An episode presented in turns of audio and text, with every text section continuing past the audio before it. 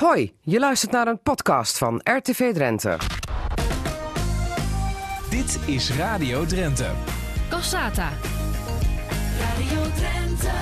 Ja, ik was, ik was even helemaal van de leg, want er kwam een wilde boer binnen. Zo eh, introduceerde hij zichzelf aan hier de twee tafeldames. en dan heb ik het over eh, Jos Ubels, bestuurslid. Staat ook groot op zijn rug, op zijn jasje van de Farmers Defence Force. Want we konden, kunnen ons weer opmaken voor een boerenactie. Er werd net in de gang al even telefoonnummers bijna uitgewisseld met de huisartsen. Want Jos Ubels zei gelijk, ik kan zo wat trekkers regelen hoor, voor de dames huisartsen.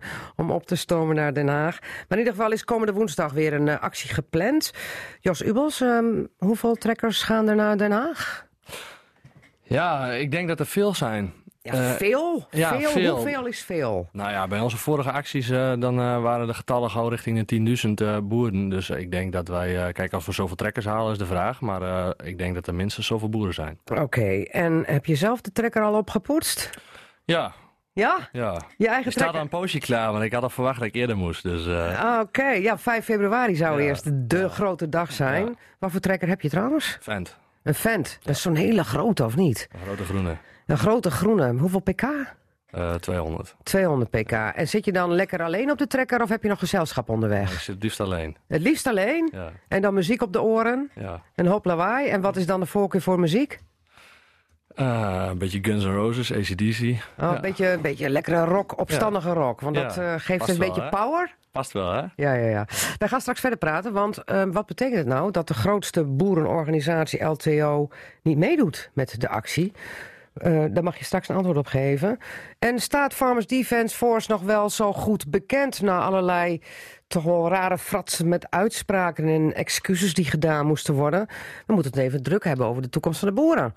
Want die staat op het spel al een hele tijd. We hebben nou, hoeveel boerenacties hebben we al gehad, Jos Ubers van de Farmers Defence Force? Nou, ik denk dat dit de vierde gaat worden, of De niet? vierde. Ik heb het idee dat het al veel vaker gebeurd is dat de trekkers de weg op zijn gegaan de afgelopen maanden. Maar eh, Dan zijn we efficiënt bezig dus. ja, oh, waarschijnlijk. Maar ehm, nou las ik vanochtend dat LTO niet meedoet. Ja, Het is toch wel de grootste boerenorganisatie. En dan denk ik, dat is wel even een domper op de feestvreugde van de trekkeroptocht. Nou, ik denk dat de grootste boerenorganisatie in Nederland niet LTO is. Ik denk dat de Oh. grootste boerenorganisatie in Nederland het Landbouwcollectief is. Ik denk dat wij met alle verzamelde boerenorganisaties een veel sterkere vuist maken als één organisatie aan zich. Ja, want eh het landbouwcollectief le- collectief legt nog even uit. Daar zitten aan tafel.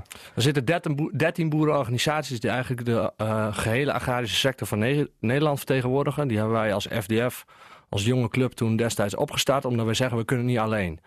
En eh, heel veel clubs hebben het altijd jaren geprobeerd alleen. En eh, wij denken dat je de krachten moet bundelen en als één naar voren moet gaan. Dus als je zegt, ja, is het een probleem dat een bepaalde club uit een collectief niet meegaat op actie? Nee, dat is helemaal geen probleem. Nee? Ik denk dat het belangrijk is dat de boeren, en die oproep wil ik hier ook doen, dat de boeren allemaal beseffen dat het heel belangrijk is om heen te gaan. En wie ze daartoe oproept, is niet interessant. Ik bedoel, dat is irrelevant. Het gaat om wat we met z'n allen bereiken. Oké, dus het kan best zo zijn dat een LTO-lid, een boer, zegt van... nou, kan me niet schelen wat het bestuur bepaalt. Ik ga gewoon op de trekker mee. Ja, maar een bestuur bepaalt natuurlijk nooit wat een nee, maar individuele het bestuur boer zegt doet. van wij steunen de actie niet, want we zijn, en dat had ik ook gezien inderdaad op Twitter, zij zijn nu op dit moment juist bezig met een ledenraadpleging. Er is een enquête rond van, jongens, hoe moeten we met het stikstofdossier omgaan? Maar iedereen neemt zijn eigen route. Eh, ik ben van mening als het 5 voor 12 is, of misschien wel 5 over 12. eh, als je dan nog twijfelt over hoe je leden erin staan, ben je misschien wel wat aan de late kant.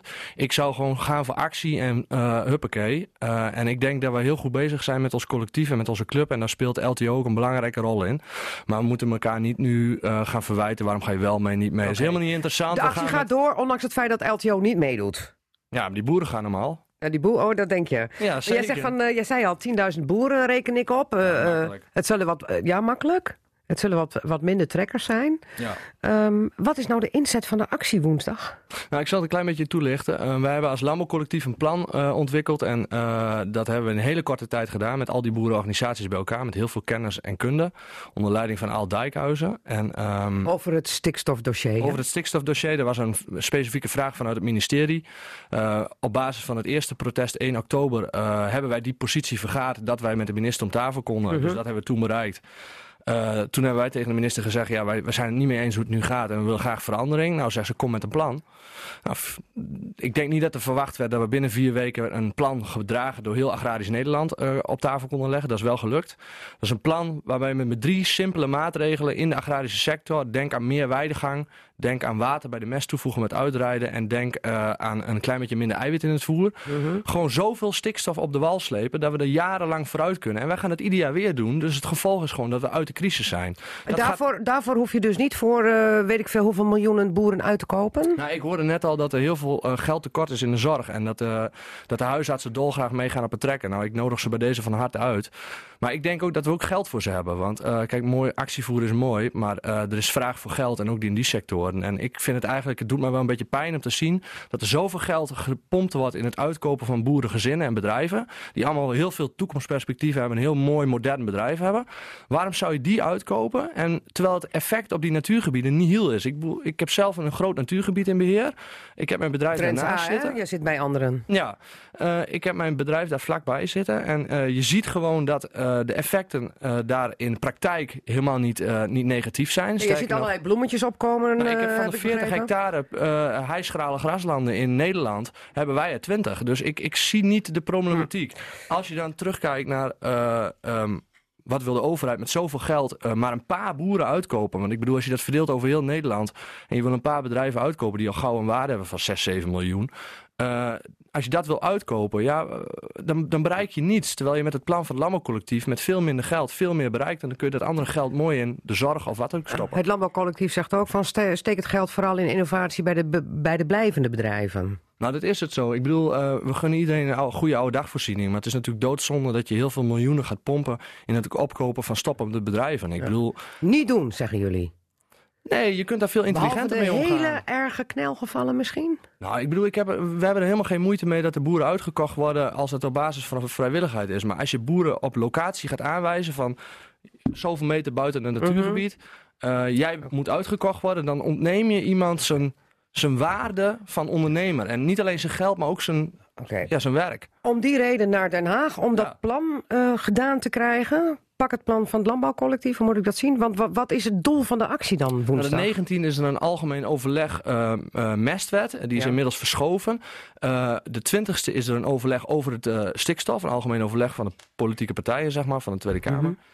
Ehm, en wij denken dat als jij verandering wilt bij die politieke partijen, want dat zijn de mensen die de keuzes kunnen maken. En als je die duidelijk wilt maken dat ze misschien niet heel goede keuzes maken, dat het wel eens een beetje slimmer zou kunnen.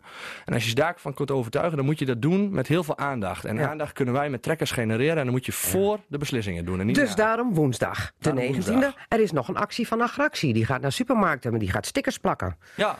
Is Ja, dat dat ook, kan ik een, ook nog wel, voor een eerlijke prijs, voor duurzaam, boervriendelijk? Ja, nou, ik heb misschien wel een scoopje. Ik had je gisteren aan de lijn. Ik zeg, we hebben nog wel iets leuks te vertellen.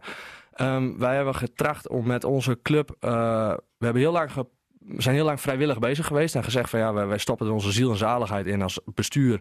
We zijn we met z'n zevenen. Allemaal een groot bedrijf thuis, dus het is haast niet te doen. Ehm, ja, dat doen we allemaal voor, ons, eh, eh, voor de sector, zeg maar. En we hebben gezegd, ja, op een gegeven moment moet daar wat voor terugkomen. Wij kunnen dat niet eeuwig zo door blijven zetten. Om het aan een stille dood te laten sterven vinden we zonde. Dus eh, er zijn twee opties. Of je gaat eh, eh, met lidmaatschap aan de gang en je gaat een ledenorganisatie worden. Ehm, daar hadden we een klein beetje moeite mee. Want wij vinden dat als je geld vraagt van de boer, dan moet je ook daar heel veel voor terug doen. Ehm, toch hebben we besloten om het wel te gaan doen. Maar daar hebben we aan vastgekoppeld dat wij ook onszelf als verplichting opleggen dat we geld gaan verdienen voor de boer. En hoe doen we dat? We hebben de afgelopen tijd gesprekken met CBL gevoerd. En eh, wij voeren een keurmerk in. Centraal Bureau voor de Levensmiddelen. Ja, en wij zijn van plan, en het CBL is ook positief, om een keurmerk over alle supermarkten van Nederland in te voeren. Dat heet het Farm Friendly Supermarktkeurmerk. En dat betekent dat de boeren eh, van de omzet van de supermarkt een percentage krijgt. En dat kan oplopen tot 3%. Dat gaat in een coöperatie en dan gaan we één op één uitkeren aan de leden. Oké. Ja. En voor dat geld worden ze ook lid van Farmers Defence Force? Nee, eh, het lidmaatschap van Farmers Defence Force eh, staat in principe daar los van. Omdat wij eh, ehm, gewoon ook een basis hebben waar we mee moeten beginnen. En voor 150 euro kun je lid worden van onze club. En voor de burgers hebben we ook een lidmaatschap gemaakt voor 15 euro. Want we hebben nog een ambitieus plan. Wij willen binnen, nu, binnen nu en een paar jaar willen we graag op televisie verschijnen. En daar hebben we heel veel leden nodig. Nou, een eigen, een eigen omroep of zo. Nou, of een gedeelte, ja. Oké. Nou, Jos Ubels, eh, succes met het eh, poetsen verder van de trekker. Wij gaan afwachten eh, wat de actie oplevert en of de politie hard gaat optreden, want die dreigen daarmee. Bedankt dat je hier was. Altijd in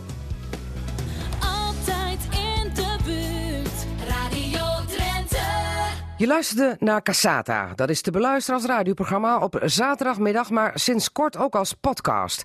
Net als het programma Drenthe Toen. Vond je het nou interessant? Geef ons dan vijf sterren en laat je beoordeling achter.